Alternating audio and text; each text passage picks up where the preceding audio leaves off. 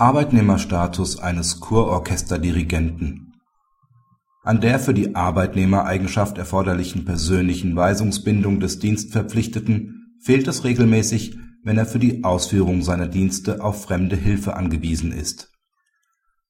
Der Dienstverpflichtete organisiert auf der Grundlage eines befristeten Vertrags jährlich von Mai bis September für einen Kurort das musikalische Unterhaltungsprogramm. Dazu gehört die Anstellung und Vergütung der Musiker Proben und Aufführungen leitet er als Dirigent, die Kurverwaltung gewährt ihm dafür eine Gesamtvergütung. Neben der Art der Veranstaltung und dem Veranstaltungsort werden auch die Häufigkeit, Ablauf und musikalische Besetzung vertraglich festgelegt. Weil der Kurort als der Dienstberechtigte von einer weiteren Anstellung für das Jahr 2007 absieht, stellt der dienstverpflichtete Orchesterdirigent einen Antrag auf Feststellung dass zwischen ihm und der Kurverwaltung ein unbefristetes Arbeitsverhältnis fortbesteht.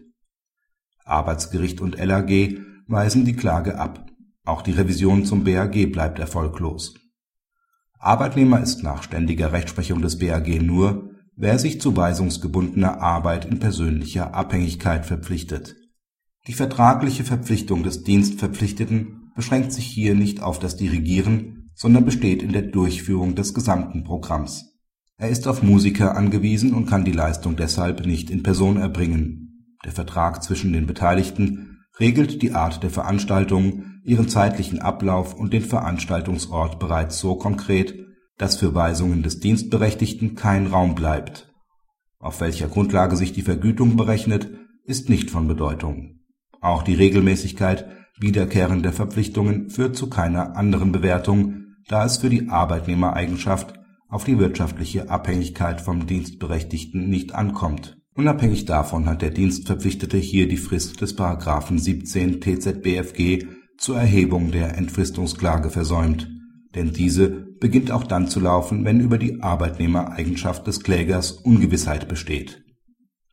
Praxishinweis Mit diesem Urteil bekräftigt der fünfte Senat des BAG frühere Entscheidungen des zwölften Senats sowie des BGH wonach eine Tätigkeit, die nicht ohne Hilfskräfte ausgeführt werden kann, die Arbeitnehmereigenschaft des Leistenden nicht begründet.